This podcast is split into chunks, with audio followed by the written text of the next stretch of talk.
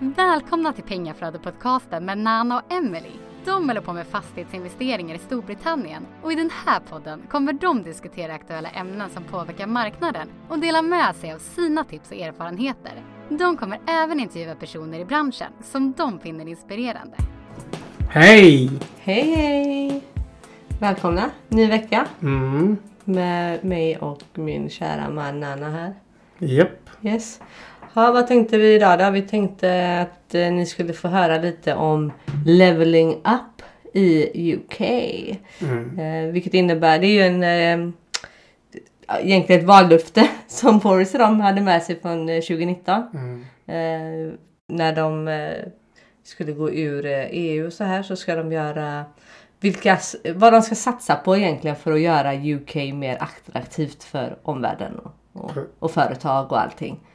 Mm. Eh, det var ju en del företag som flyttade från UK och så på grund av det. Eh, så deras plan egentligen för att göra det mer attraktivt.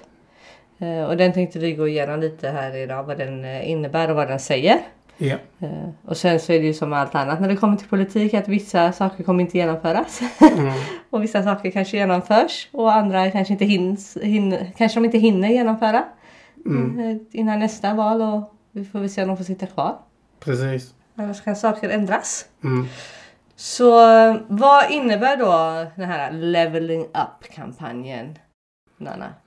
Jo, den innebär att eh, de ska helt enkelt, som du nämnde innan, fixa Storbritannien. Storbritannien ska bli attraktivt igen för investerare, för företagare, för allmänheten. Och eftersom att de är efter eh, med vissa grejer, om man säger så med svensk standard, så har Boris lovat det här. Och nu sitter ju inte Boris längre. Nu är det Rishi. Men Rishi var med och tog fram den här med Boris. Eftersom han var ju finansministern på den tiden då, då när Boris satt. Så eh, mer eller mindre så har de eh, olika fonder. Men i det stora hela ska de lägga 4,8 biljoner pund eh, på det här. Och sen så får vi väl se om de kommer göra det. Som ni vet själv, som Emily sa, saker händer. Ja, så är det ju alltid. Så bland annat då så ska de ju bygga ut sina tågspår. Mm, Och det har vi ju pratat om innan. mm, eh, Med den här HS2 och så. Mm, Eh, Och vissa delar av HS2 har de ju tagit bort. mm, Eh, Men de ska fixa massa tågspår. Det ska vara lättare att ta sig mellan, mellan städerna liksom. mm. Eh, Och göra det mer eh, Attraktivt och lättare för människor att ta sig från London upp to the North, som de kallar. Exakt. Tack för att du fyller i mina luckor. Ja. Mm. Och så, alltså, tanken är ju att de ska göra att saker eller företag och människor ska flytta ut från London så att de inte bara är London eh, beroende. För det är det många känner in the North.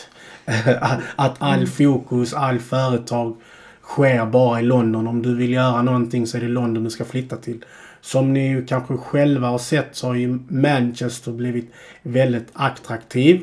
Att det är många företag som flyttar till Manchester där på grund av att eh, det är mer helt enkelt attraktivt nu. Det är lägre hyror och ja, inköpspriset, allting. Och de satsar väldigt hårt på det North East som de säger.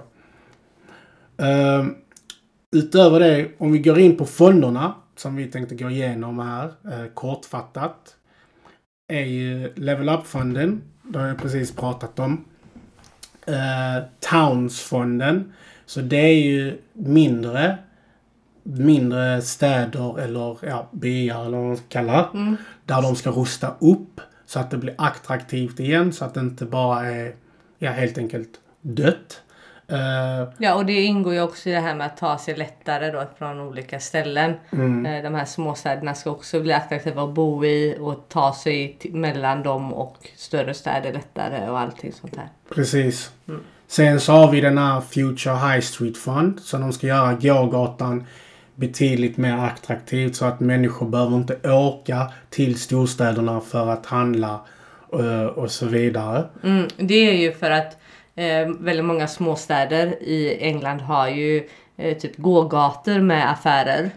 Eh, och en hel del av dem dog ju ut under covid. Mm. Eh, och då ska de försöka liksom få liv i det här igen och eh, ja, egentligen få liv i småstäderna igen så att det inte eh, de behöver söka sig till andra ställen. Mm. Mm. Utan kan vara i sin stad liksom. Mm. Så att alla delar av UK blir mer attraktiva. Precis. Och sen nästa är den här Project Gigabyte. Så de vill ju att alla eh, i Storbritannien ska ha snabbt bredband, 5G. Eh, alltså helt enkelt nästan det vi har här i Sverige. Så de ska bygga ut sitt eh, internet, eh, vad heter Mm. det? Ja, internetverk eller ja. Ja. nätverk eller vad man ska Mm. säga. Så att alla har höghastighets internet. Och jag menar, de vill ju också få in eh, såna här um, digital nomads. Jag vet inte vad som ska vara attraktivt och digital nomad i Storbritannien väl. Ja, Men om du tycker om att sitta inne och arbeta och titta på regnet så är det ju jätteattraktivt. ja. Men de, eh, de kompitar med Spanien, Portugal och sådana Ja. länder. Men kanske under vissa delar av året. Ja. Eh, så är precis som Sverige under sommaren. Mm. Eh, så har ju UK sina fördelar under vissa delar av året också. Och Mm. de har väldigt fina kustlinjer där också. Ja. Så de kan ju säkert få dit några. Ja. Mm. Och då behöver man ju också flytta ut allting från London egentligen så att det blir mer attraktivt på andra ställen. För annars är det väl London som de flesta vill bo i Precis. också. Precis. När de kommer. Sen har vi den här Freeport som eh, jag blev väldigt så wow, okej. Det här var ändå typ eh, out of the box. så eh, de ska införa några eh, frihamnar eh, i, i olika delar av landet och där får företagen som, eh, vet du nu, går och bosätter sig där eller vad man ska säga. Eh, massa skattelättnader. Eh, en del behöver inte ens betala skatt i ett visst antal år. Alltså bolagsskatt, moms, ja, en massa, massa. Så jag, man kan gå Det har så ju djupt också in. med exportavgifter och importavgifter att göra. Precis. Det här Freeports. Mm. Eh, Så det, det ska bli väldigt billigt att vara i de områdena Mm. för företag och på det sättet så ska de dra dit mer företag. Ja, och mer jobb och det kommer ju självklart bidra till mer bostäder och, och så vidare. Hela den här cirkeln. Så det är också ett av de sätten som de ska göra det då. Mm. Mm. Och sen så gick du igenom det här med en del av det där med HS2. Som transportfond eh, där de eh, kommer fixa en del vet du nu, järnväg och infrastruktur som eh, de har antagligen scrappat, alltså lagt ner innan. Och nu ska de fixa till dem igen. Ja, exakt. Och sen så har vi ju den här eh, Transform eh, City Fund biten där de liksom ska lägga pengar på att på de områden som egentligen är utsatta områden med mycket kriminalitet och, och så här så ska de lägga mer kraft på att få, få bukt med det. Mm. Mm. Eh, Så den fonden finns också. Ja. Sen som ni vet, som jag tidigare nämnt alltid på podden, så vill ju Boris Johnson göra Generation Rent, alltså folk som hyr, till Generation Buy, alltså folk som köper. Eh, och det har han kampanjat väldigt hårt hela tiden. Och kommit in med massa olika typer av eh, funds eller bidrag där eh, människor, första gångs köpare kan utnyttja. Och- Hjälpmedel egentligen för att komma in på liksom the property ladder som de Ja. kallar det i UK. Precis, så 1,5 biljoner har han lagt på den här Level Up Home Building Fund. Mm, som ska hjälpa eh, förstahandsköpare eller folk att komma in egentligen på marknaden och, få, och köpa sitt hem istället för att hyra det. Mm. Eh, och sen så får vi eh, se hur, eh, hur det går med det. Mm. Eh, vi lever ju i en annan tid nu också där man, många kanske vill hyra för att ha friheten att kunna flytta hur de vill. Precis, det är ju det, är det som eh, jag tror nu han uh, paletten inte trillat ner på samma.